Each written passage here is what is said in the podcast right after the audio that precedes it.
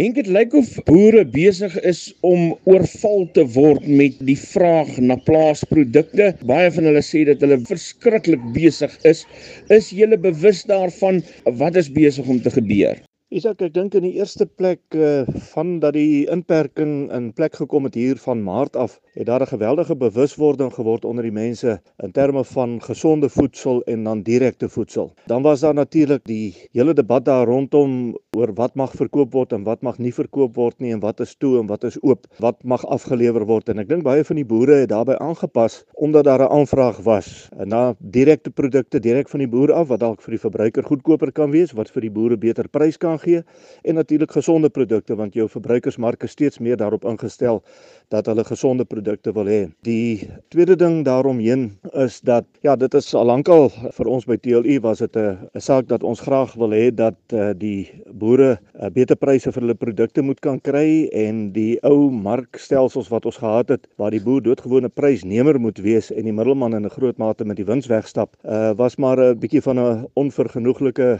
situasie. Ehm um, die Pretoria boeremark wat al meer as 25 jaar aan die gang is, die het al gewys hoe dat verbruik verbruikers en boere graag by mekaar wil uitkom, direk met mekaar besigheid kan doen en ek dink hierdie nuwe omstandighede het dit nou vir boere moontlik gemaak om op dië manier nou direk met mense kontak te maak. Nou ja, dit was natuurlik 'n skielike ding wat gekom het en dit is hoekom boere, baie van die boere wat nou direk kan lewer, die vermoë het dat hulle dan nou skielik so 'n bietjie oorval word. Die vraag is net hoe volhoubaar is dit? Kan boere tot die mate soos wat die vraag nou is voorsien? Ja, ek dink dis beslis wel volhoubaar. Ek dink die boere was dalk net 'n bietjie verras geweest omdat jou tradisionele markkanale nou verander het, maar of jy nou uh, aan die een kant lewer of jy aan die ander kant lewer, mense moet eet uh, en daarom dink ek is volhoubaar. Ek dink boere het die die potensiaal om aanpassings te maak. Dit hang af natuurlik van die produk wat daar is. 'n Hoenderboer kan byvoorbeeld baie makliker 'n aanpassing maak. In plaas daarvan dat hy elke 6 of 8 weke 3000 kuikens koop, kan hy nou 4000 kuikens koop wat sy kapasiteit onmiddellik kan verhoog uh, om in die aanvraag te voldoen. Uh skaapboere vat 'n bietjie langer en beesboere vat natuurlik nou nog heel wat langer omdat jou draaityd maar daar so 12 tot 18 maande is voordat uh, diere nou bemarkbaar en slagbaar is vir die mark. So ek dink dit is inderdaad wel volhoubaar mits die sal ek maar sê die nuwe bemarkingskanale soos wat dit nou geskep is sodat dit in plek gaan bly. Wat is moontlike slaggate vir die boer self en die verbruikers?